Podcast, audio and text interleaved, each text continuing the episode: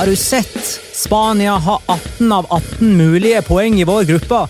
De har skåra i 35 kamper på rad over de siste tre åra.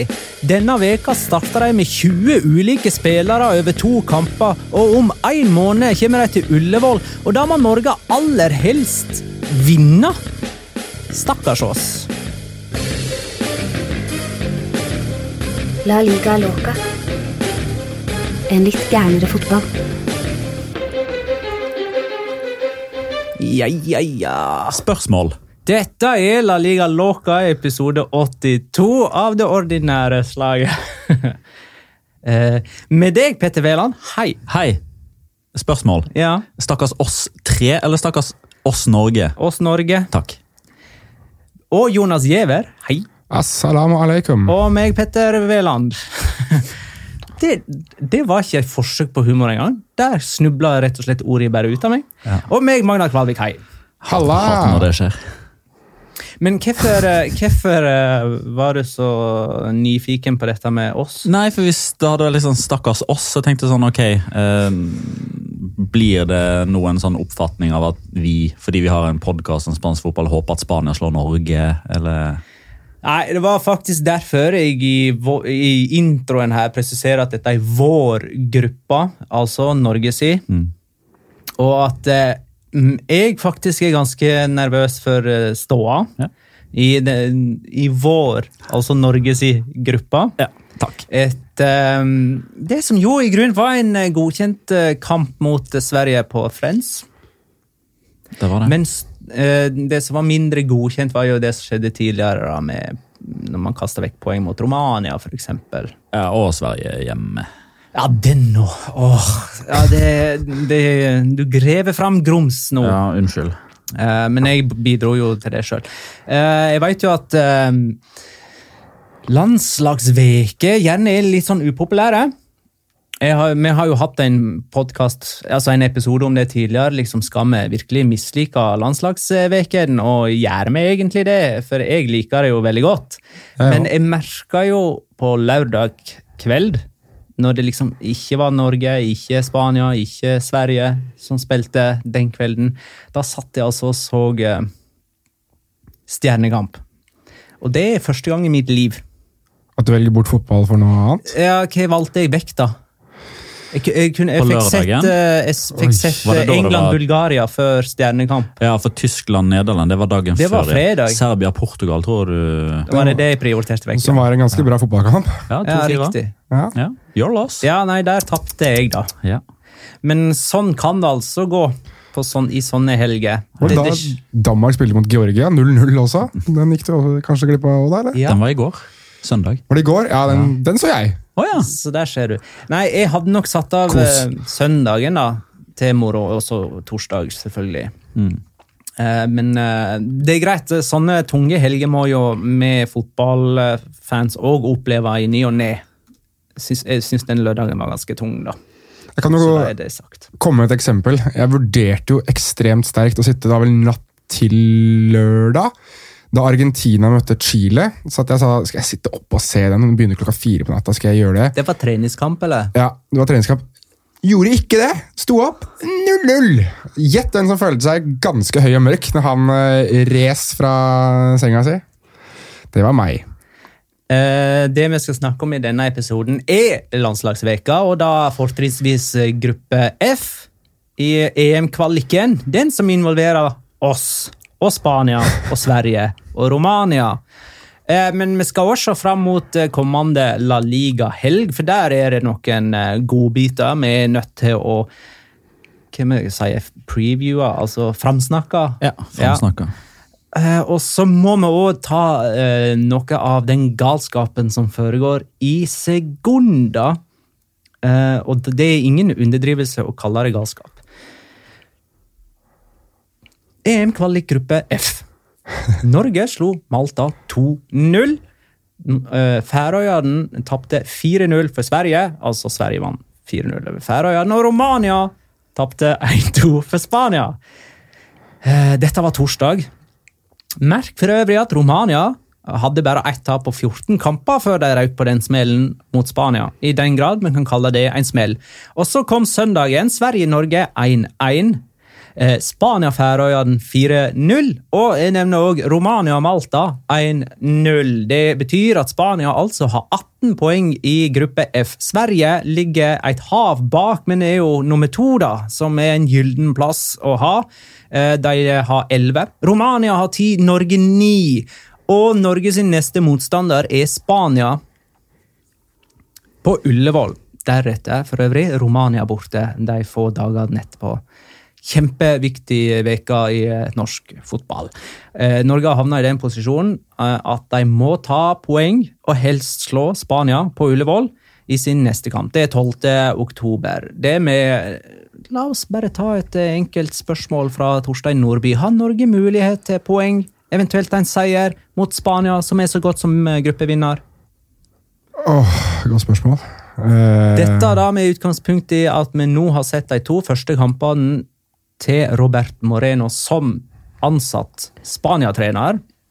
Og med det òg at eh, vi så nye tendenser i troppen. ikke sant? Det var en del endringer fra Luis Henrique sin siste tropp.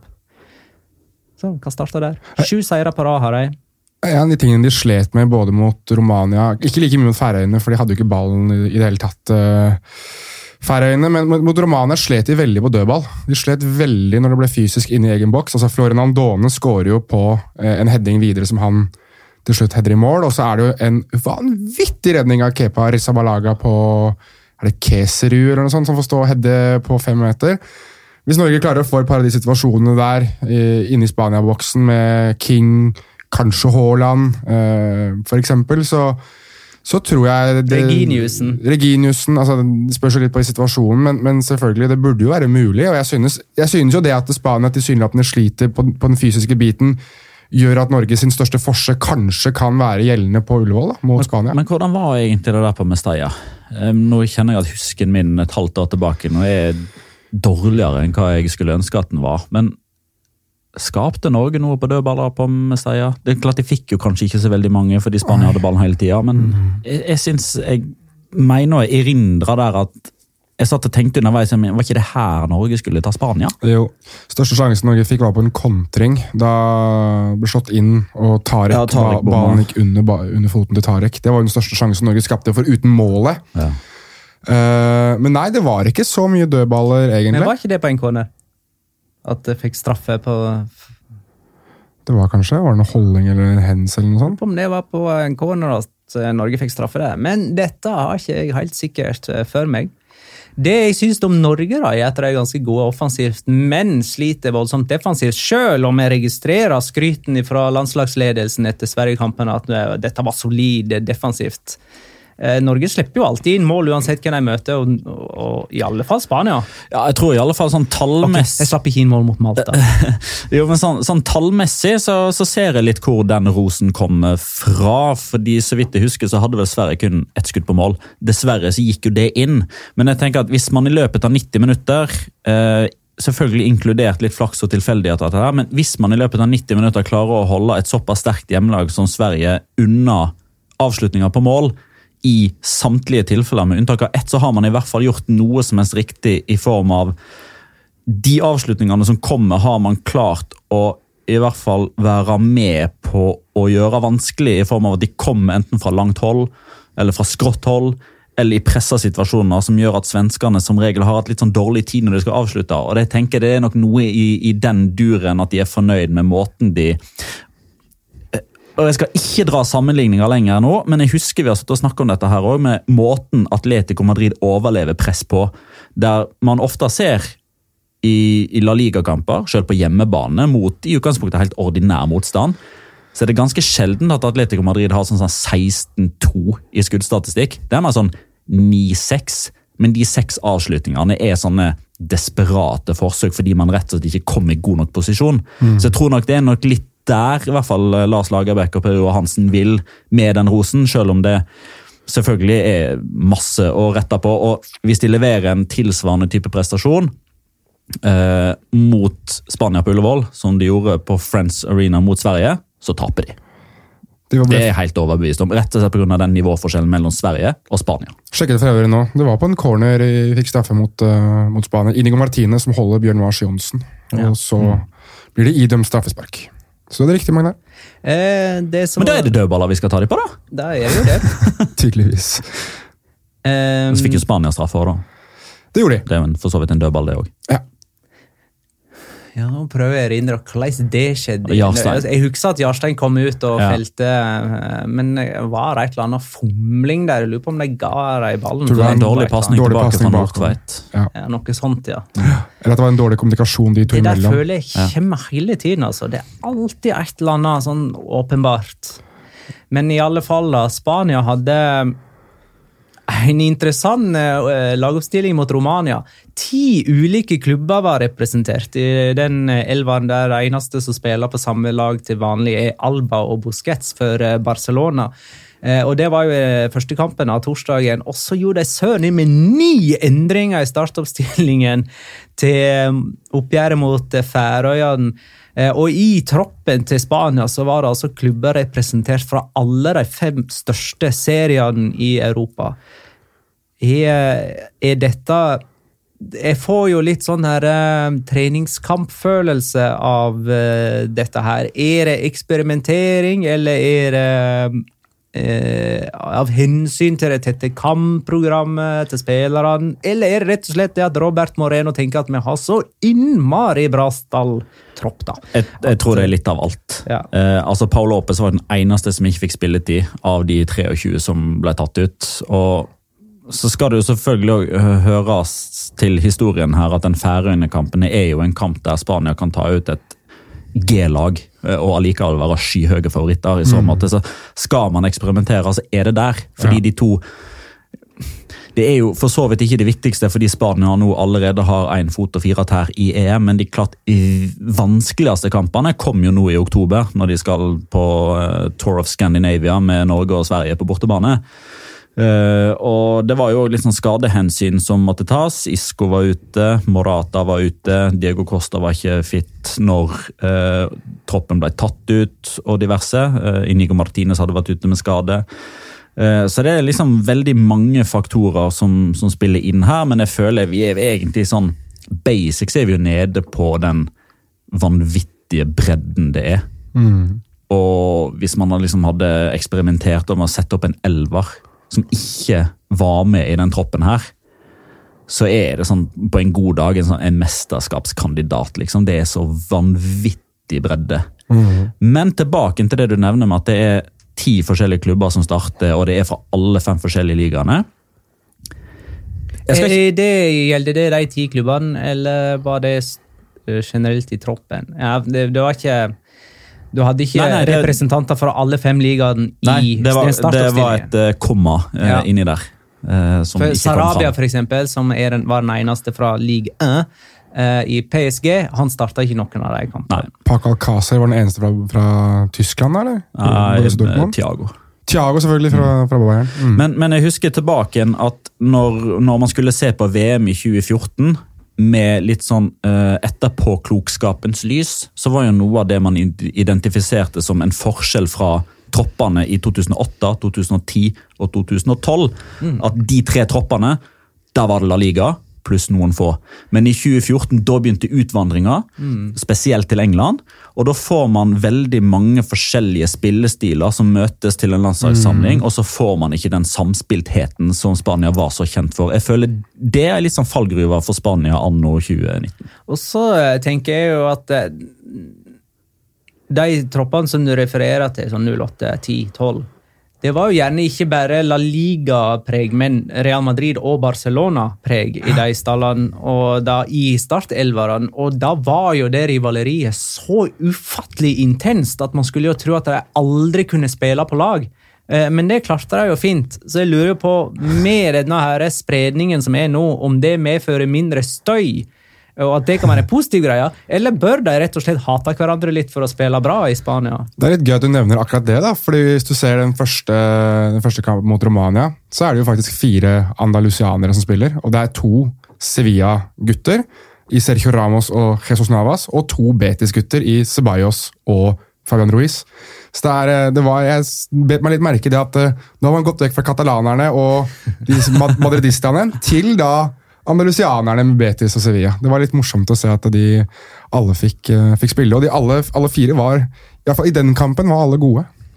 Eh, mot Færøyene for øvrig, eh, så var Valencia den klubben med flest representanter. Slå den da, Jonas. Var du fornøyd med Gaia det? Parejo Rodrigo. Ja.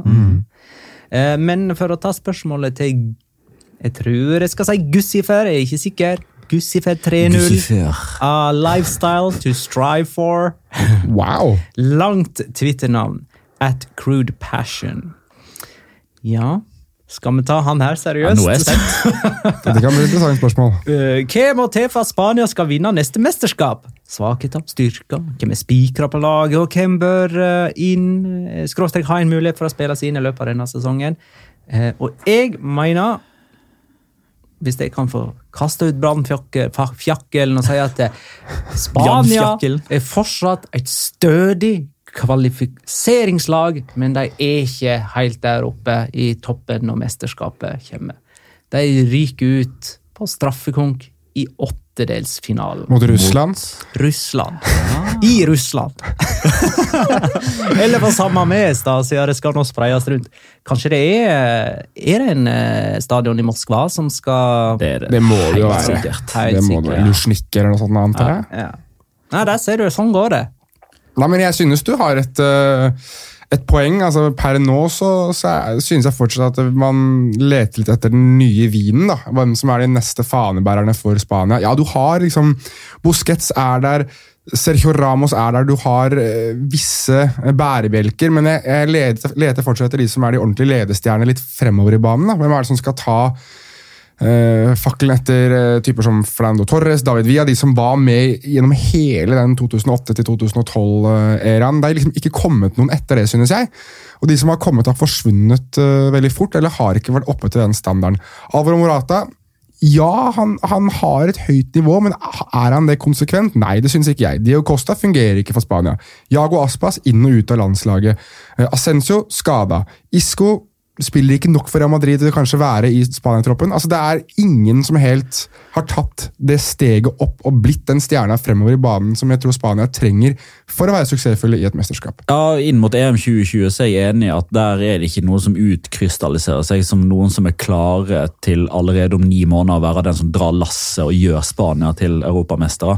Mikael Jørsabal er vel kanskje den som er oppe og snuser litt, med tanke på at han jo faktisk da har, eh, selvfølgelig på et helt annet nivå, da, leder U21 eh, til, eh, til EM-gull og har plenty av erfaring, faktisk mer enn ganske mange av er de som var i troppen nå. De snakker jo veldig varmt nå i Spania om denne 96-97-årgangen med Ceballos, Rodri, eh, Fabian og eh, Oyarzabal. Kanskje Ascencio kommer. Er Dani Olmo med den generasjonen? Han er vel 98? Ja, jeg lurer på om han er et år yngre enn Ok. eh, han, var med, han var jo med å vinne U21 nå i sommer. Det er derfor jeg nevner han, fordi ja. jeg syns han har veldig mange spennende kvaliteter. Som Ja. jeg tror kunne ha vært uh, midt i blinken for et Spania. Som kommer til å, hvis de begynner å stange, så er han den type spiller som har det der den X-faktoren, som man sier på klisjéspråket, som kan uh, gjøre litt vei i vellinga. Ja, men et, et lag som, som viser seg så mye bedre enn de svake motstanderne som de skal, Ja. Men som òg blir avslørt med en gang de møter en av toppnasjonene, tenker jeg. Ja. Italia, eh, Frankrike, Tyskland. Kanskje ned... Ja, men de tapte mot Nederland òg i eh, Nations League, gjorde ikke de det? Nei, Kroatia. Ja, det var England, England. England og Kroatia. Ja. Ja. Mm. Men jo, Men men, da, jeg, da trekker jeg inn Nederland, for nå virker de så sterke. det gjør det. Men du ser jo bare mot Romania. altså Det er jo en eh, ellevill Kepa-redning som stopper det fra å bli 2-2. Og da snakker man jo om at oi, hvor er Spania hen nå? Eh, Det var jo det som var overskriftene i, i, fall i spansk presse dagen derpå. At det var den redningen og det at Ceballos og Fabian var så ekstremt gode på midtbanen, som gjorde at Spania eh, egentlig kloret seg til den seieren. da. Men litt tilbake til den Norge-kampen. nå, for det er liksom, Jeg fikk spørsmål tidligere i dag. Eh, liksom, har Spania en tendens til å slippe gasspedalen litt når avansementet er klart? Ja, Altså, for, det for er det er jo. Spania mer eller mindre nå. Altså, én fot og fire tær har de i EM allerede. Svaret er litt sånn nedslående, altså. Det er snarere tvert imot, for de pleier å snuble litt i begynnelsen. Og så kommer de som et godstog. Men det gjør jo at man ikke nødvendigvis alltid har hatt en sånn ståa der Spania har stått med seks av seks eller sju av sju. Eh, Men eh, det klarte seg til eh, til VM-kvaliken i 2010 så vant de ti av ti. Så da sto de løpet ut. Til EM-kvaliken i 2012 så vant de åtte av åtte. Sto løpet ut. Eh, VM-kvaliken i 2014 da hadde de seks seire og to uavgjorte, men de uavgjorte kom på hjemmebane i kamp tre og fire, så de vant de fire siste. Ja. EM-kvaliken til 2016 så vant de ni og tapte én. Tapet kom på bortebane i kamp nummer to, så de vant de åtte Mot? siste. Slovakia. Ja. Mm. Eh, og VM-kvaliken 2018 eh, med, med Loppetegi. ni seire, én uavgjort. Den uavgjorten kom borte i kamp nummer to mot Italia, og da vant de de åtte siste. Eh, Går du tilbake til EM-kvaliken i 2008, også, da, bare for å ta med hele den gylne generasjonen, da tapte de jo borte i kamp to og tre mot Nord-Irland og Sverige. Og så kvitterte de ut åtte seire, én uavgjort på de siste ni. Så akkurat der er det litt sånn dårlige vibber, eh, hvis man liksom skal forsøke å hente ut et halmstrå der om at ja, men Spania klarer det, betyr ikke så mye for dem. Uh, jeg veit ikke om vi skal legge så mye vekt på det. Jonas K. Lindgren vil at vi skal snakke om Paco Alcácer. Meget undervurdert målskårer, skriver han. Men fire mål på tre seriekamper for Dortmund og tolv mål på 17 landskamper for Spania indikerer vel det? Er han framfor Morato og Costa når eh, det eh, dreier seg til? Han er jo supersub, da! En fantastisk mann å ha på benken. Jeg tror Ja, han Mora- skåra to som innbytter mot Færøyene. Ja, ja. Eh, nei, jeg tror ikke han starter mot Norge. Det tror jeg ikke. Uh, definitivt med i troppen, men da er jo Moratas eh, skadefri igjen, eh, formodentlig. Med mindre han blir skada på nytt i løpet av de neste fire-fem kampene, eller hva det er de rekker å spille før de skal på landslaget igjen. Eh, og Rodrigo skåra jo òg to mål, og han starta, så han befesta vel sin posisjon der framme. så- Men det kommer litt an på hva slags eh, formasjon de velger å gå ut i. da. Det er jo forskjell på Færøyene hjemme og Norge borte. Peter Losvik spør jeg, kommer det en hyllest av folkefavoritten Sergio Ramos, som tangerte Casillas sin rekord i antall kamper for det spanske landslaget. 167 kamper nå på Ramos for Spania, altså likt med Iker Casillas. Han er blant de ti spillerne i verden med flest landskamper, Jonas. Dette er jo din favoritt. Uh, og Sergio Ramos er min favoritt. Ja, nei, jeg har veldig stor respekt uh, for ham og veldig stor respekt for det han har gjort. Altså, han har debuterte på landslaget da han var 18 år og har egentlig bare blitt bedre og bedre og bedre. Nå litt på vei ned, men var jo fantastisk. Ja, jeg synes det. Ja, Han, er han, han er definitivt på vei ned nå. Jeg tror vi hadde egentlig snakka litt om Sergio Ramos sånn som vi gjør om Sergio Busquets, hadde det ikke vært for at han skårer så avsindig mange mål. Jeg er helt enig. Som maskerer litt Ja, at han forsvarer forsvarer seg ikke så bra lenger. Men hvis han er på vei ned, så er han jo på vei ned fra et skyhøyt nivå. Det nettopp, det er nettopp nettopp det.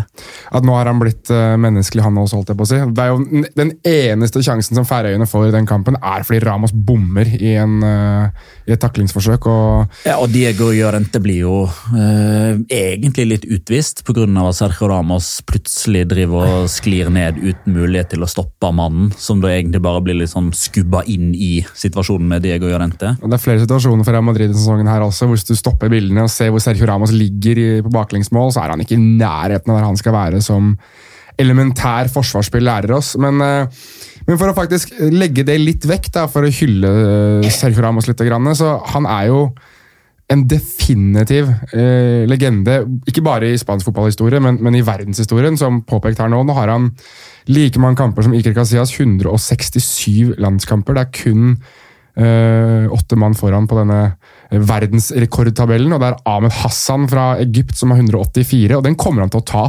Det er jeg ganske sikker på. Jeg altså. kommer fram til at han sannsynligvis med EM neste sommer er oppe på 178, og vil da være delt andreplass. Men, det, men da er de ute et åttendels. Eh, nei, da tror jeg faktisk jeg har skrevet fem EM-kamper. Altså tre gruppespillskamper og en åttedels og en kvart. Eh, og da har jeg òg regna de fire gjenstående i kvaliken, og så pluss to på våren For De har vel noe oppkjøring eller et eller annet. Det der, Han, spi, han spiller Ja, kan ta er verdensrekorden. Eh, Så er det nok en eller to oppkjøringskamper i mai-juni Ja, der før òg. Ja, ok, så det kan være fire på våren, Kan være det. Man spiller vel neppe alle. Nei, det, Skal vi si tre? noe- Så jeg har regna elleve fra nå, og med EM, da. Men Men må da er EM kvartfinale. Ok, Da sier vi tre oppkjøringskamper, da, og så fire i EM. Men for å ta den verdensrekorden, jeg vil bare få skutt inn at det er faktisk to foran ham på den kalenderen nå som fortsatt er aktive. Ja, det er sant. Det er Ahmed Mubarak fra Oman og Bader El Motawa fra Kuwait, som begge står på 171. Så det er liksom, han må kjempe mot våre venner fra Midtøsten før han eh, faktisk kommer på toppen der. Men jeg tror eh, hvis han kan nå verdensrekorden, så tror jeg han får nok kamper, om så bare innbytte, for å kunne liksom Ja, gå opp. Det virker som et mål. Ja. Det gjør det. Og det, gjør han det. er, jo, uh, han er jo med inn mot VM i 2022 òg. det tror jeg, altså. Ja. Da tror jeg vi runder av landskamper.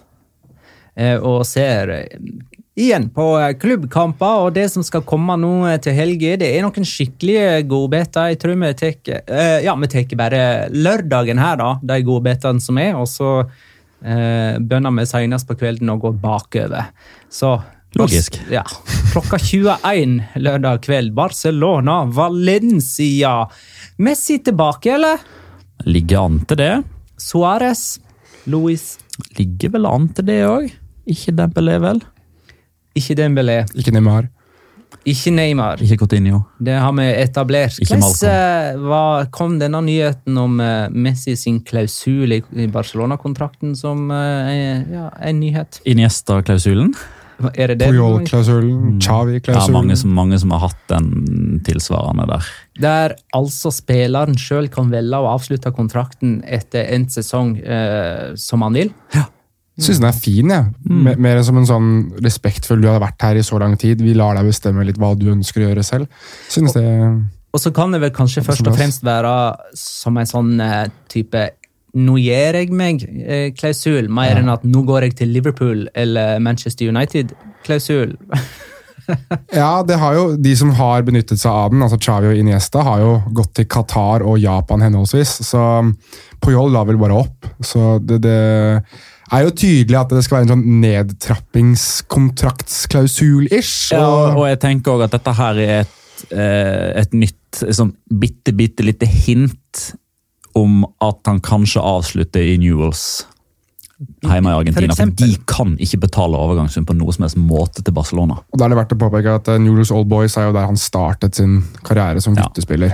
I Rosario. Eh, Men jeg leste også i Mono Deportivo at visstnok så skal eh, Messi være uh, seduced, nå kan vi ikke på det norske, forført av eh, MLS, og gjerne vurderer å kanskje ta et eventyr der.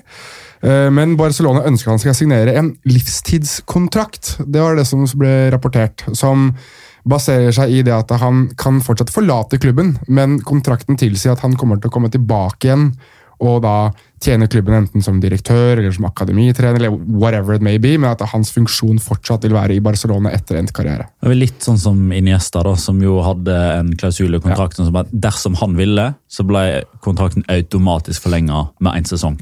Så etter et, liksom, ved hvert sånn sesongskifte så kunne Iniesta sjøl bestemme hva han ville gjøre. Var det da de snudde det åttetallet på drakta hans til et sånt Infinity-merke? Helt riktig. Ja. Eh, Jonathan Hobber eh, skriver hva er siste nytt i Valencia? Har Peter Lim og Alemani lagt ned stridsøksa? Eh, hvor mange negative resultat tror dere skal til før det korthuset feller sammen? Det ligger jo Ulme, da, som jeg eh, påpekte Ja, det gjør i tabelltipset. Eh, og altså Alemann, kontraktsituasjonen hans, litt usikker på. Jeg tror ikke nødvendigvis at den kontrakts, eller det kontraktsforholdet der er eh, altså at sportsdirektører nødvendigvis går i samme syklus som trenere og eh, fotballspillere med sesonger diverse. Men Marcelino har jo bare ett år gjennom kontrakten. Og måten han eh, til dels skjult indirekte, direkte kritisere ledelsen for manglende ting og for ting de gjør, vitner om en mann som ikke nødvendigvis ser for seg å være der etter endt kontrakt, hvis ikke situasjonen endrer seg eh, med tanke på strukturen på hvem som bestemmer og hvordan man snakker sammen, hvor mange mellomledd som han må gjennom før han får snakka med og uh, får beskjeder fra Peter Lim. Uh, og da tenker jeg litt sånn altså, Jo, men bare se på det som skjedde i januar i fjor, da. Uh, hadde det ikke vært for at Matheo Allimann da gikk ordentlig i bresjen og vant den kampen på vegne av Marcelino, så hadde vi ikke snakka om Marcelino som Valencia-trener nå. Og hvis noe tilsvarende, og ikke engang noe tilsvarende, hvis noe i nærheten av det skulle skje igjen, når forhandlingsklimaet er som det er, når den, det er sånn åpent sår mellom Peter Lim og Marcelino Det skal så fryktelig lite til før han kicker ut Marcelino, og så er det en av Jorge Mendes sine agent, eh, trenere som sitter og styrer eh, på Mestalla fra februar-mars av. Altså de, det er liksom ikke noe nedsider ved å sparke Marcelino lenger, og det er noe jeg frykter på Valencia sine vegne. José Mourinho vet du, inn på Mestalla. Det har jo vært, vært eh, rykta at han er en av de som de i hvert fall har hatt i kikkerten hvis Marcelino forsvinner. og det er jo litt riktig det du sier her, da, Petter. Altså, det er jo litt sånn Det er våpenhvile mer enn at det er uh, erklært uh, fred mellom de to. Uh, og jeg tror nok de la ned våpnene fordi sesongen starta, og nå må vi begynne å bli litt seriøse hvis ikke det skal gå ordentlig nedenom og hjem. fordi uten resultater så er det jo ikke noe avkastning på, Mars, på Petter Lims investering uansett. Så jeg regner vel med at hvis resultatene begynner å butte imot, så vel, begynner det sikkert å blusse opp igjen. og så Etter sesongen så blusser det vel opp igjen nesten uansett, regner jeg med. Valencia slo jo Barcelona i Copa del Rey-finalen og spilte uavgjort i begge ligaoppgjør forrige sesong, så et lite overtak eh, faktisk det siste året favør eh, Valencia. Eh, fremdeles er jeg veldig usikker på hvor Henny har satt hun laget denne sesongen. Jeg regner jo fortsatt med at Barcelona skal liksom stramme seg opp. og komme opp i toppen. Nå har jeg altså tapt uh, og spilt uavgjort og vunnet på de tre kampene sine. Og så skal ikke vi glemme at dette er en sånn potensiell snublehelg for alle lag som er involvert i, Champions League. da. Nå er jo begge disse mm. lagene det. Eh, Barcelona skal altså til Dortmund den påfølgende tirsdagen. Eh, Valencia skal til Stamper Bridge. Ja. Det ja. ja. dette her er altså For de som liksom er i, eh, i gamblingmiljøet Nå skal jeg ikke si at jeg er der, men jeg kjenner noen som er der. Eh, og de, altså de har sånn enorm rød markør rundt de datoene som kommer etter landskamper og før Champions League. Ja. For det er sånne snubletråder. Du har dette Fifa-viruset som man snakker om. Spillerne er slitne, de kommer seint tilbake igjen, troppen er ikke helt satt. Eh, og så møter de altså nå er jo eh, altså Barcelona og Valencia, der spenner man jo litt sånn bein på hverandre. da. Men uh, altså for Atletico Madrid og Valencia, nei, Atletico Madrid og Real Madrid sin del så gjelder det kanskje enda mer fordi de møter lag som ikke har det samme problemet.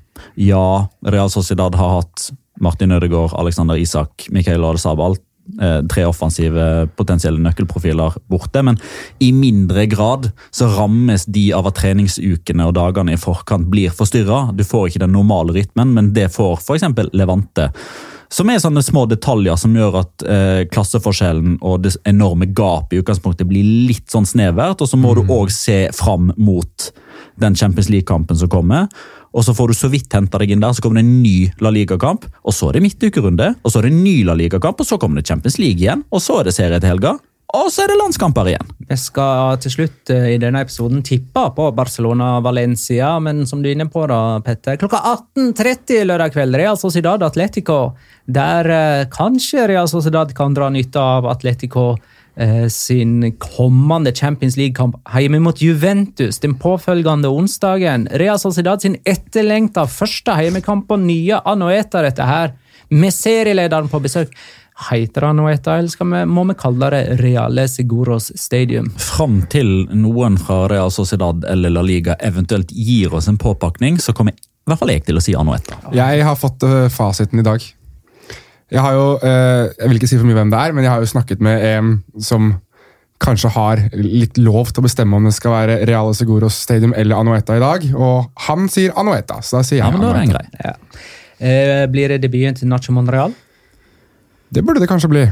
Det er fullt mulig, det. Altså, det, er, det er ikke sånn at eh, Real Sociedad har eh, flust av alternativ i, i Forsvaret. Så, og han har vel spilt en treningskamp nå denne uka her, så jeg vil vel tro at de i hvert fall Og da starta han, hvis jeg ikke husker helt feil, så jeg vil jo tro at de i hvert fall testa han og sett hvilke posisjoner og hvilke Ja, og så er det jo nettopp en sånn kamp som dette her, at man Ja. trenger en type som Ja. Nacho Monreal. Helt riktig. Hvem er det som eh, skal ta seg av Ødegaard da i Atletico? Hvem blir den, nye- den Marcos Llorente. Det hadde vært gøy, da. Ikke spilt med hverandre på Castilla Jo også? da, Tidligere lagkamerater, de. Ja.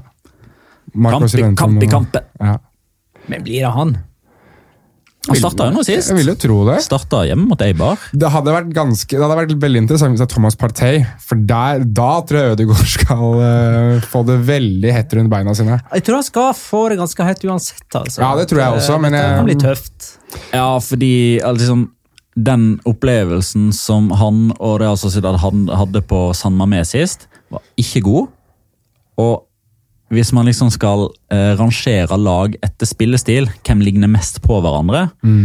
Atletic og Atletico, det er ikke bare alfabetisk og navn, eh, at det er rekkefølge og likhet på ting. Eh, Der er det høyt press, og du får ikke mye tid før du må gjøre valg. Du må egentlig bare bestemme deg før du får ball, hva som er neste trekk. Men der er han ganske god, Ødegaard. Ja, men han ble, han ble tatt litt på det. Ja. Uh, På San Mames. Et hjelpetouch her og et hjelpetouch der. Uh, Orienterte seg bakover istedenfor framover et par ganger, og plutselig så var Inigo Martinez der.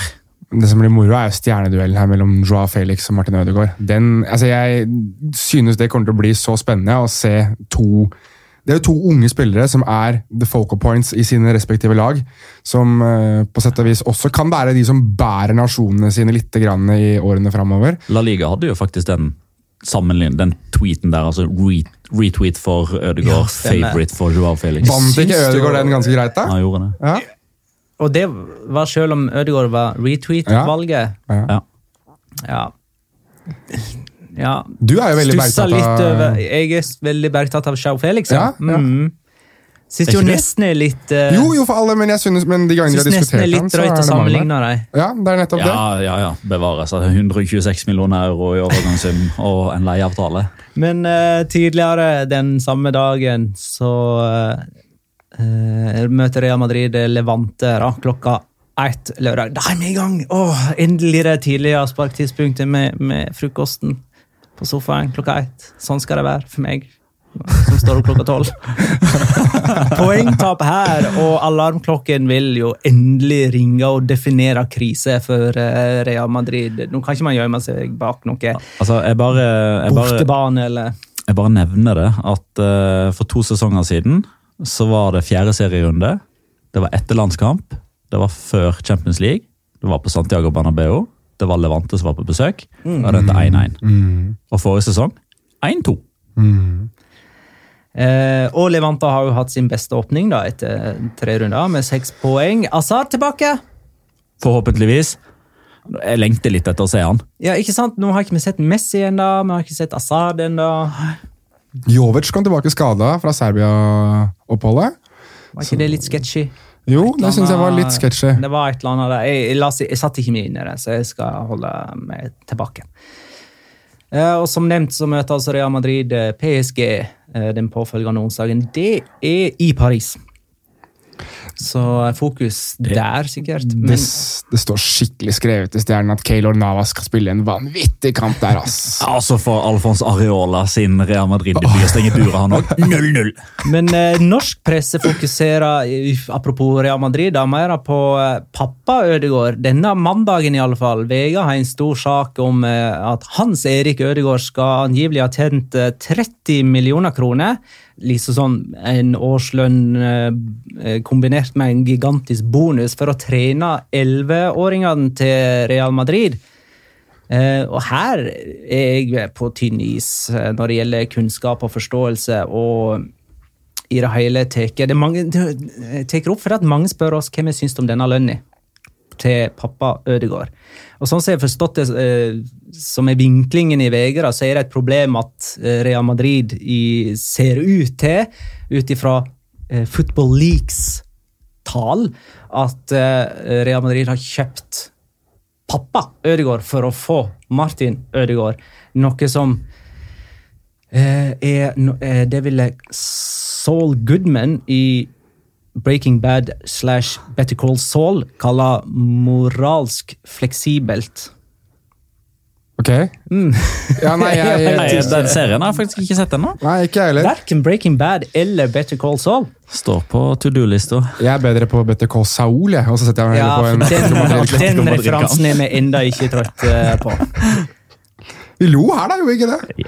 Nei, Ja, Petter gjorde det. ja, men for å, for å ta det du, det du spør om her, Magne. Jeg syns det er vrient jeg, å, å kommentere det litt, også fordi at det, Hans Erik Ødegaard eller noen på den siden har ikke kommet med noen form for forklaring. og De har ikke hatt muligheten til å forklare seg. Altså, Jo, det har de. Ja, de, de har Ifølge VG så har ja, de, har, de, har, ikke, de har ikke forklart seg. Nei.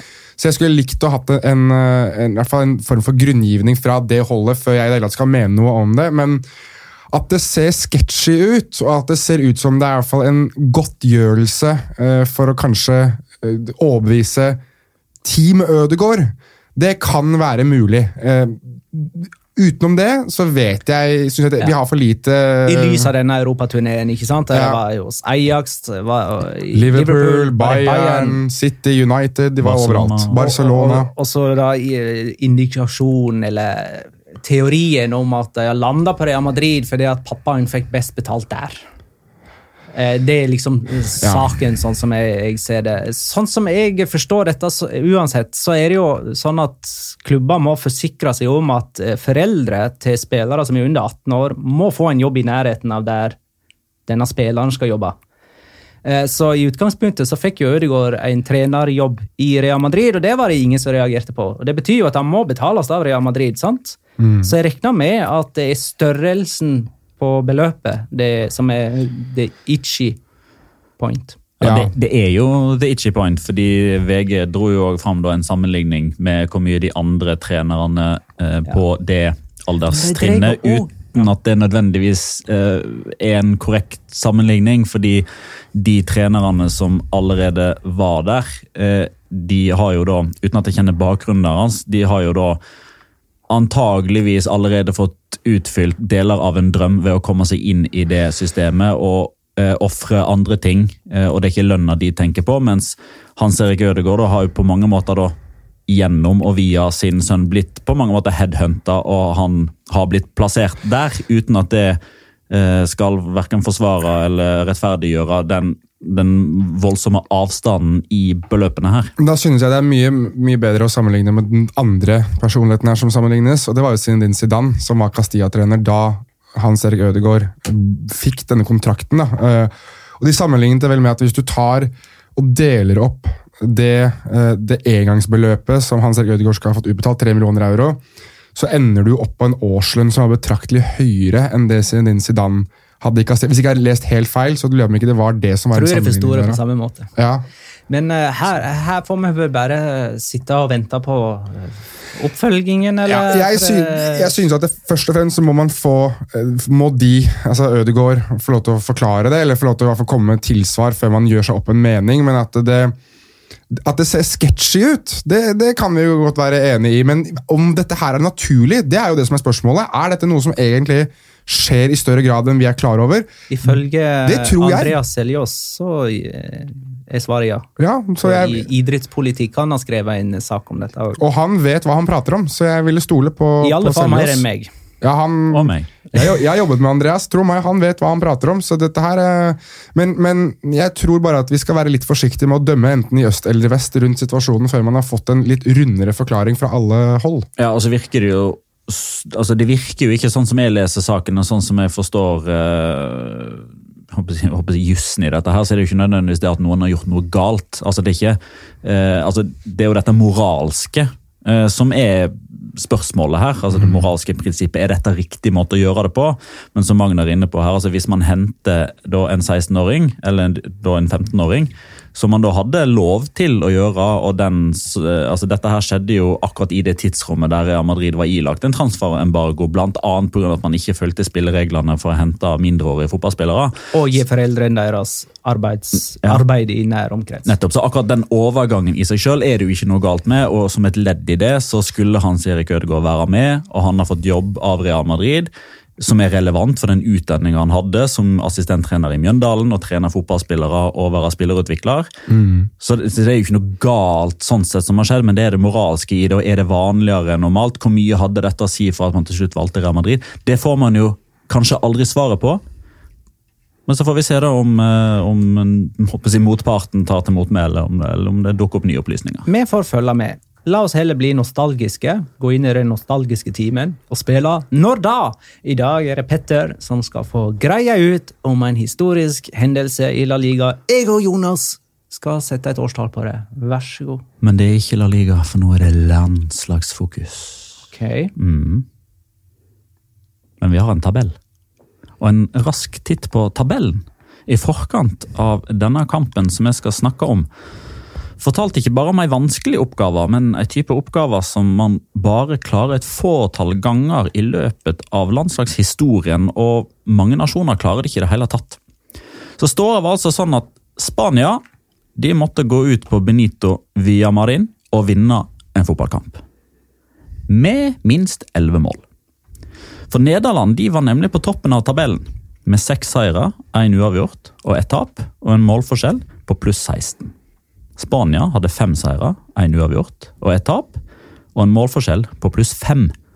Så Spania måtte altså skåre minst 11 mål i løpet av 90 minutter, etter å ha skåra 12 mål i løpet av de første sju kampene i kvalifiseringen.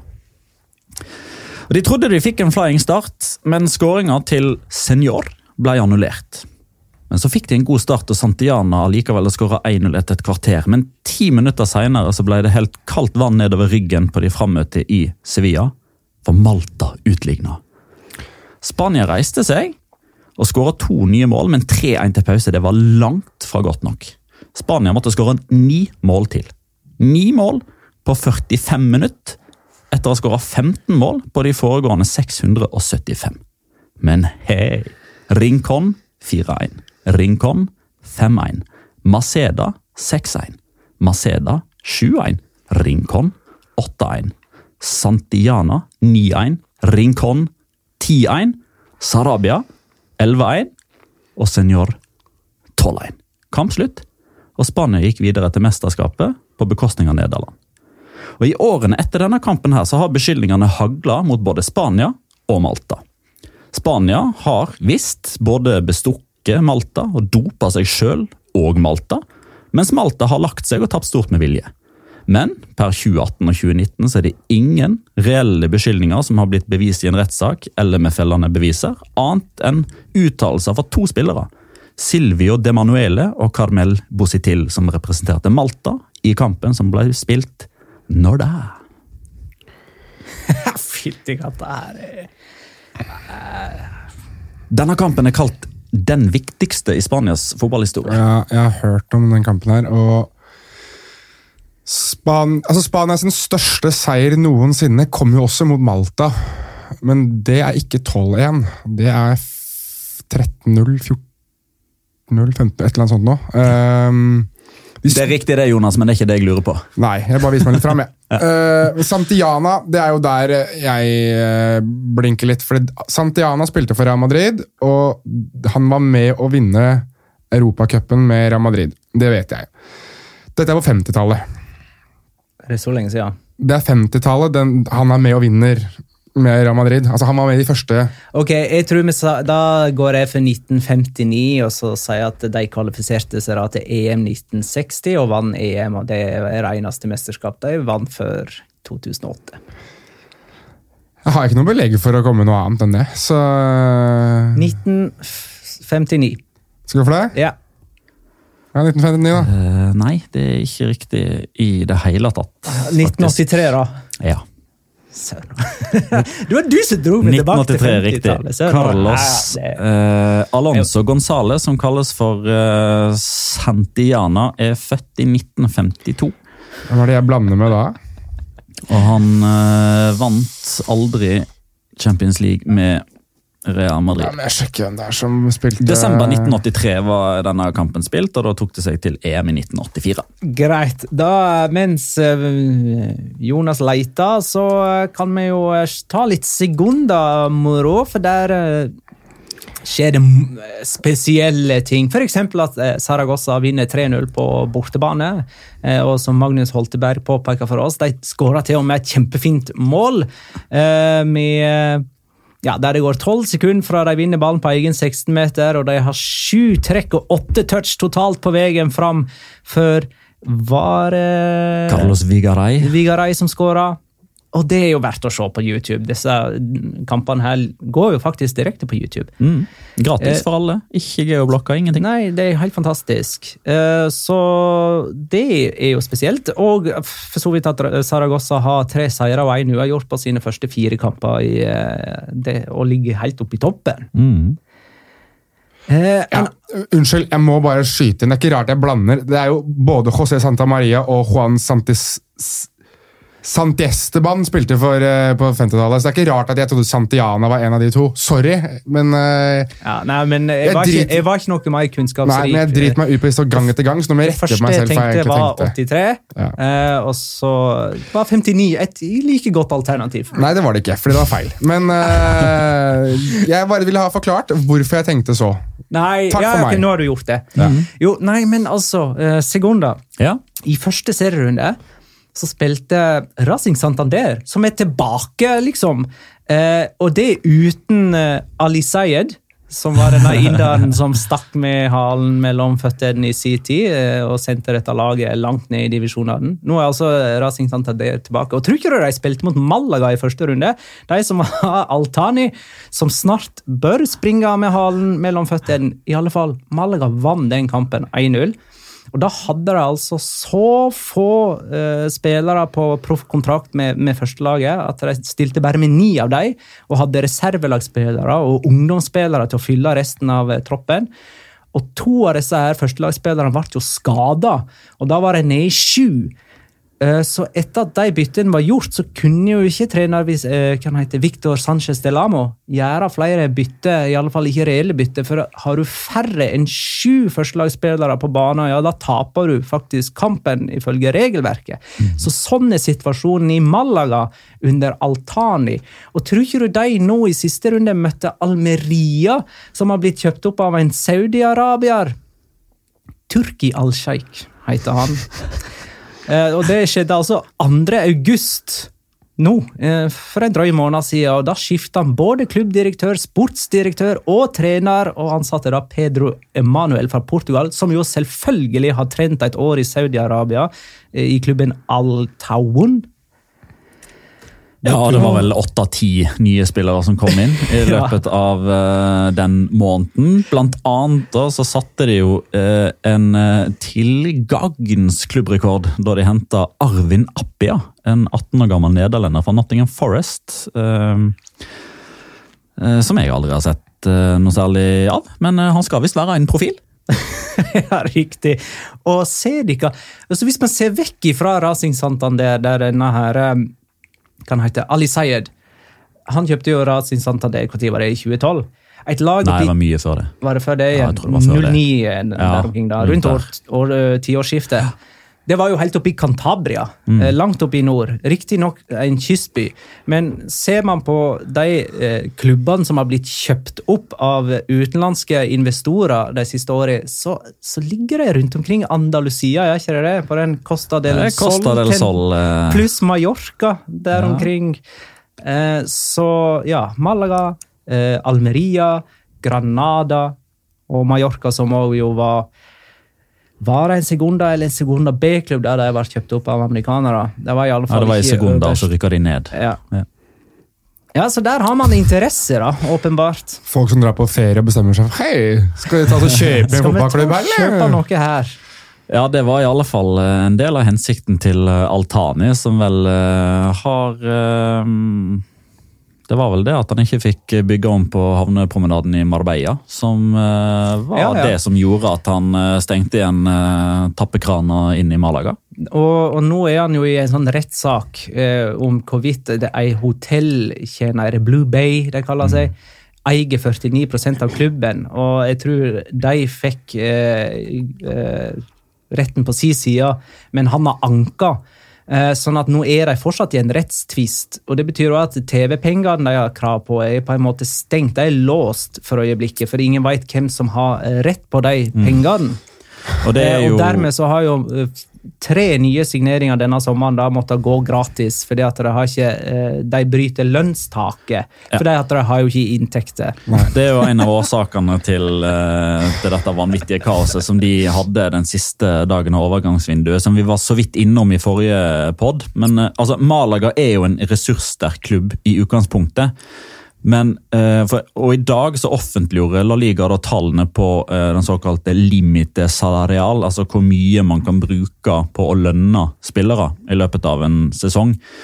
Eh, og jeg lurer på om det var i hvert fall seks eller sju klubber som var foran Malaga på den statistikken der, og der, der skal Malaga være helt i toppen sammen med de lagene som rykker ned fra La Liga og gamle, store travere som f.eks. Deportivo. Eh, og Det er jo da en av årsakene til at eh, Okazaki, eh, som ble henta eh, en drøy måned i forveien, eh, José Rodriguez og Simon Moreno, som var signert henholdsvis på free transfer og på lån fra Viareal B, da måtte CC komme til nye klubber eh, nå i begynnelsen av eh, september. Rett og slett fordi Malaga hadde da gått over det de har blitt tillatt av La Liga å bruke på spillerlønninger. Så eh, det ikke god stemning i Malaga. Der er det protesttog, store Nemlig. protestaksjoner i forkant av alle kamper. og Senest i dag så kom vel nyheten om at eh, eh, sportsdirektøren Caminero ikke får lov til å holde pressekonferanse i klubbens regi fordi Altani er redd for at han skal fullstendig miste det. Fordi Kaminere er jo en av, altså han er jo den som tar støyten her for Altani, fordi det er han som møter opp, det er han som svarer på spørsmål. Det er han som til syvende og sist må fortelle José Rodriguez, Okazaki og Simon Moreno at nei, sorry, dette går ikke. Eh, For Altani han uttaler seg kun på Twitter og i rettslokalene. Skal akkurat å si det, Har Altani vært i gang på Twitter, eller? Ja, men det er jo hele tiden. det, null stopp. Altså, har han noensinne ikke vært på Twitter? Det Liksom? som også er litt interessant med disse eierne, er at det er veldig vanskelig å få informasjon om dem. Eh, går man inn på Wikipedia, for eksempel, så er det veldig korte stubber om dem. Og f.eks. for eksempel han eh, Al-Sayeda som hadde Racing Santander, der eh, står det jo til og med en advarsel øverst på Wikipedia-sida om at eh, denne artikkelen ser ut til å være skreven av en som står subjektet veldig nært. Altså står veldig nær Al-Sayed. Det vil si eh, at eh, man skal ikke ta noe av det som står der, for god fisk. Og Sånn er det med Lisango i- på Granada. Eller Ikke den advarselen, altså, men det er liksom bare tre setninger om en styrtrik kineser som eier en fotballklubb i Spania. Det er null informasjon å hente. Veldig mye hemmeligheter og Men Legger du merke til det, bare for å skutte inn, Hver gang det er interesse fra en klubb i Kina, så er det alltid det er interesse fra Kina eller en klubb i Kina. Du får aldri spesifikt hvilken klubb det er inntil det nærmer seg sånn skikkelig. Det er veldig interessant. Men eh, um, over til noe mer positivt, da. Bendik Diesen. Det er en meget overkvalifisert spiller i Sigunda. Hvem eh, burde prøve å hente Stuani i januar? Vel, altså, Stuani er en av flere overkvalifiserte spillere i Segunda. Eller? fryktelig sterk eh, profilportefølje i Segunda denne sesongen her. Og langt mer enn tidligere. Og man har liksom kombinasjonen her òg. Altså, du har de gamle traverne som i stedet for å takke ja til Midtøsten, Kina, MLS, heller trapper ned hjemme og tar en eh, sesong på nivå to. Eh, Du har noen gamle La Liga-profiler som er ikke helt der at de er på hell, men fortsatt ikke typ, gode nok for La Liga eller Premier League eller Bundesliga. De har du. Du har de unge fremadstormerne, og du har de som er egentlig i sin prime, og som burde ha vært et helt annet sted. Altså, nevnte Okazaki. Det ble ikke Malaga, så han signerte for Oesca i stedet. Så han er en segunda-profil. Hans landsmann, Shinji Kagawa, altså at han spiller i Real Saragossa, det er jo et varp. Altså kan man snakke om at han kanskje ikke sto til forventningene i Manchester United, men vi snakker Shinji Kagawa. På sitt beste er kanskje en av de beste playmakerne i verden. Og, Allerede blitt matchvinner og helt avgjørende i én kamp. ja, og så må jeg nesten takke eller Real Saragossa, i hvert fall takke Ander Herrera, som visstnok skal ha hatt en finger med i spillet der, for å få han lurt dit. eh, og han Lurt han dit, ja. ja, altså, La oss nå være såpass ærlige her. altså... Ja, ja, men de må jo ha lokka med at det, det står en bil på togstasjonen i Saragossa med nøklene i. Fra Jermaine Pennant i 2011. Den kan du få! Gammel Honda Civic, si! Toyota Uh, Hiace. ja. Eh, Gaku Shibasaki også. Ja, spilte jo for Japan i VM. Så hele, Jeg forestiller meg at nesten alle altså I La Lia-kamper så må det være fullt av japansk media, for de sender jo bøttevis med journalister til hver eneste kamp det er en japaner på. Uh, Ja, og Sekunderettighetene ligger jo ute worldwide, gratis på YouTube. Ja. som vi var inne på, Så det regner med at det er et marked eh, som de åpner der. Eh, Jonathan Soriano, si han som, som har kom bøtta inn mål i Salzburg, som har vært i Kina. Du sa jo det at det spillere heller, at de dro ikke til Midtøsten. Han har jo dratt fra Midtøsten for å Mhm. spille i Girona. Så det er jo, eh, det er jo en berikelse. Han spiller sammen med Christian Stuani i Girona. Så Ja, det og er, akkurat han må vi ta uh, litt mer sånn konkret, men kan jo bare nevne et par andre profiler. Da. Altså Mario Suárez Ja. er jo en La Liga-profil. José Ángel Jurado er en La Liga-profil. Jonathan Viera eies fortsatt av en kinesisk klubb, men er leid tilbake til Las Palmas ut året. Ruben Castro du må si hva alle disse her er, da. Mario Suárez er i i Rayo Vallecano. Og Jorado Eh, er i José Ángel Jorado i Cádiz. ja. Jonathan Viera i Las Palmas. Der er han lagkamerat med Ruben Castro, som er mestskårende i Betis eh, i La Liga-historien. Sammen med det 16-årige vanvittige stortalentet Pedri, som er solgt til Barcelona og Ja, leid ja, ut riktig, igjen riktig. denne sesongen. Adrian Embarba i Rayo Vallecano hadde en utkjøpsklausul på 7 millioner euro. At ingen La Liga-klubber trigga den, er helt uforståelig. Eh, José Leonardo Olloa, som har spilt i Leicester, Brighton, Almeria. Han spiller for Rayo Vallecano. Eh, Sergio Gomez, en av de mest lovende spanske spillerne. Fortid i Barcelona sitt ungdomsakademi. Er på lån fra Dortmund til Uesca.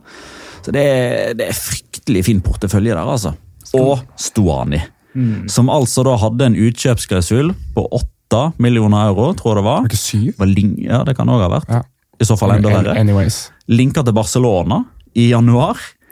Og at eh, altså det kan godt hende at Español har prøvd. Det kan godt hende at eh, Villarreal har prøvd. Det kan godt hende at eh, Leganes har forsøkt. Men det virker rett og slett bare som at Christian Stuani føler så sterk tilhørighet nå til Girona etter de to årene han har vært der.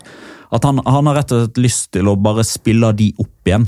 eh, Og igjen spille La Liga-fotball for de. Altså, det er en mann som har skåret jeg tror det er 40 mål på 70 kamper eller noe sånt, i La Liga for Girona. Og så forlenger han kontrakten. Det er ikke bare det at han blir der, han forlenger kontrakten til 2022, var det vel? Hva, han, enten Barcelona eller Girona på han, vet du. ja, ikke sant? Han, ja, han kunne vært Español. Han har vært i Español tidligere. Så hvis liksom kravet var å bli i Catalonia. Og så blir han matchvinner i første kampen. Etter at han forlenger kontrakten, så må han stå første kamp for sesongen fordi han kom sent tilbake fra Copa America med Uruguay. Og så skal han hat trick denne helga her mot Rayo Vallecano. Han skåra fire av Girona sine fem mål. Det ble ikke noe rundenspiller denne runden, ettersom det ikke var en runde i La Liga. Men Locora blir det, og det blir det nå. Da må jeg si sånn Locora!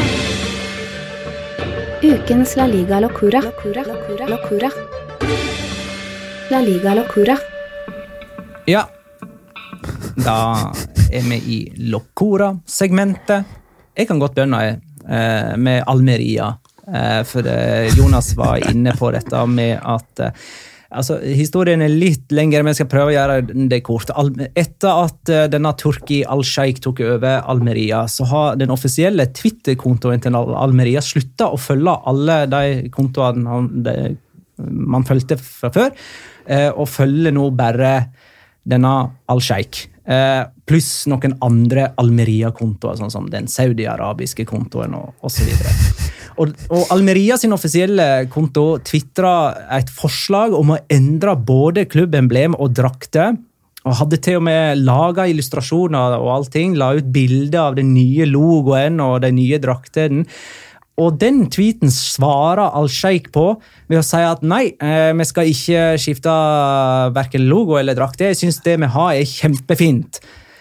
Eh, og så har jo da folk svara på den tweeten igjen, da, som at Yes, du er vår uh, mann. Uh, hyller deg. Du eh, All ære til deg som ikke vil skifte uh, klubbemblem og drakter.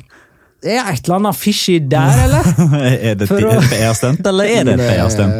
Høres ut som en kar som har sett alt Altani har gjort feil, og tenker at han skal gjøre det i revers. på en eller annen måte.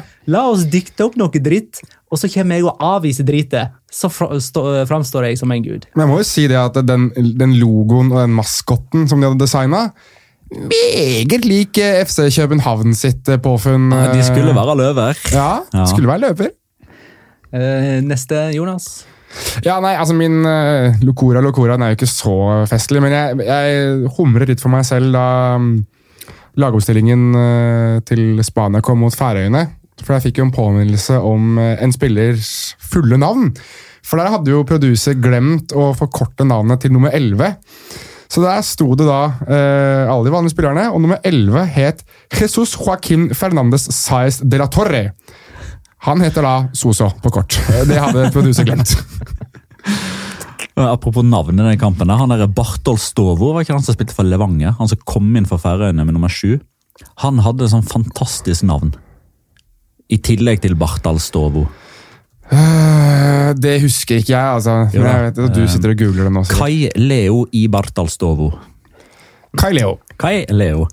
Ehm, jeg klarte ikke helt å bestemme meg for hvilken av mine to uh, halvlokorer jeg skulle ta, så jeg tar begge kjapt. Eh, Paco Alcácer han er den eh, altså Hvis man tar absolutt alle spillere gjennom den spanske landslagshistorien som har spilt 500 minutter eller mer, Santiana, blant annet. Santiana blant annet, på 70- og 80-tallet 50-60-tallet. Eh, så er han den som har nest best skåringsrate. Han bruker kun 76 minutter per skåring for eh, Spania. Dette kommer jo da i samme periode der han har skåra 25 mål på 37 kamper for Dortmund. Kun 20 av de fra start. Og han har nå skåra seks mål på de siste fire landskampene for Spania. Kun to fra start. Og så har jo Sergio Damas da skåra mål i åtte av de siste ti landskampene. Det er Locora. Det som er enda mer Locora, at de to nasjonene ikke har skåra mot Malta og Færøyene.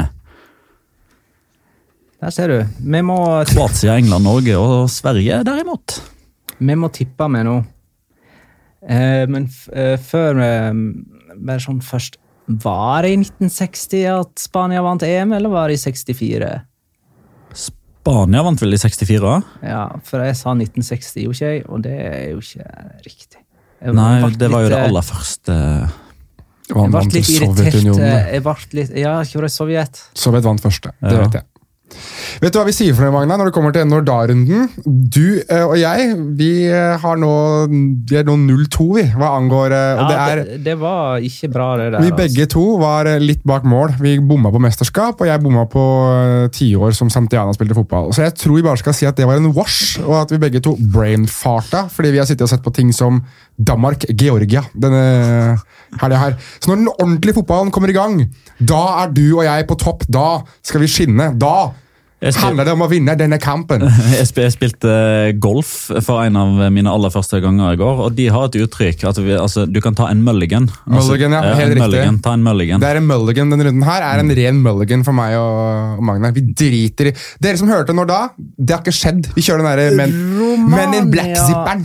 Romania-Spania var den eh, kampen vi tippa på sist. Eh, der hadde Jonas 1-3 med Rodrigo som første målskårer. Det ble altså 1-2. Uh, Ett poeng til deg, Jonas. Du er oppe på fire. Jeg hadde 1-3 med Haji som første målskårer. Uh, Ett poeng til meg, og jeg er oppe på tre. Petter hadde 0-2 med Ramos som første målskårer. Tre poeng til Petter, oppe på fem. Ramos ble altså første målskårer. Hvis noen lurte. Og Igjen, dermed igjen for øvrig skjer det samme som skjedde med Raúl Garcia-greiene. Altså, Rodrigo skårer første målet, men i kampen etterpå. Ja. eh, Barcelona, Valencia, lørdag klokka 21. Petter er først. 3-1 Messi. Eh, det var det jeg var litt redd for når vi skulle velge denne kampen. her. Nå blir det mye likt. Jeg skulle si 3-1 Messi, jeg òg, men uh... Hvis du, har, hvis du har skrevet det ned der og kan vise det til meg, så står det i tipset. Nei, jeg kan ikke. Nå har jeg eh, Jesus Joaquin Fernandes Saez de la Torre foran meg, men uh... Jeg har eh, 2-1 og Messi. Ja. Så der ser du. Ja, tatt- men uh... ja, okay, ja. da har vi gått godt over tiden. Som vi har, prøvd, vi har prøvd å legge oss på en time uh, denne gangen. Uh, blir det ni minutter over det, cirka. Eh, sånn kan det gå. Snackskaos, da. Tusen takk for alle innspill og spørsmål. Tusen takk for at du liker oss på iTunes. Og tusen takk for at du lytta, kjære lytter. Ha det, da.